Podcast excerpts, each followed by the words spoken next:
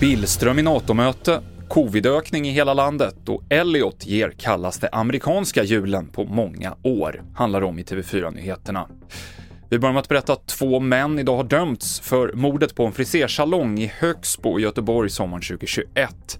En 22-årig man sköts då till döds med 11 skott när han satt i frisörstolen och tingsrätten liknade vid en avrättning.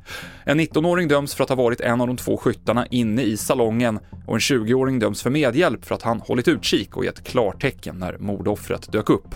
Båda får 12 års fängelse.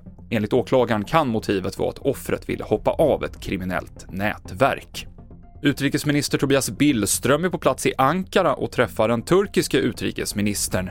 Besöket är ett av flera som hållits på hög nivå mellan Sverige och Turkiet som en del av den svenska NATO-processen. Det här är ett så kallat kontrollmöte som har varit planerat länge tydligen. Man talade redan om eh, när den svenska regeringen bildades att man skulle åka till Turkiet ganska så, så snabbt. Eh, och det är det som sker just nu. Och det är ju såklart att eh, han ska möta Cavusoglu, alltså utrikesministern i Turkiet och på något vis se hur långt man har kommit i den här otroligt spända processen eh, om, om Sveriges NATO-ansökan och se vad det är kvar som inte Turkiet liksom är, är nöjda med.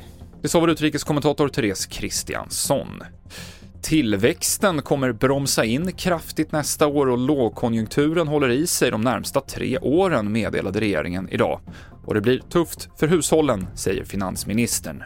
Många kommer att pressas, svensk ekonomi pressas, men många hushåll och företag pressas ju av höga priser. Energikrisen som vi möter gör energin väldigt mycket dyrare, maten blir dyrare. Så det, det kommer att vara några tuffa år framöver. Sa Elisabeth Svantesson. Vinterstormen Elliot väntas ge den kallaste julen sedan 80-talet i stora delar av USA. Hårda vindar och stora snömängder gör att uppemot 1000 flygningar redan nu har ställts in, bland annat till och från Chicago och Denver. Runt 80% av USAs yta väntas få minusgrader under julen.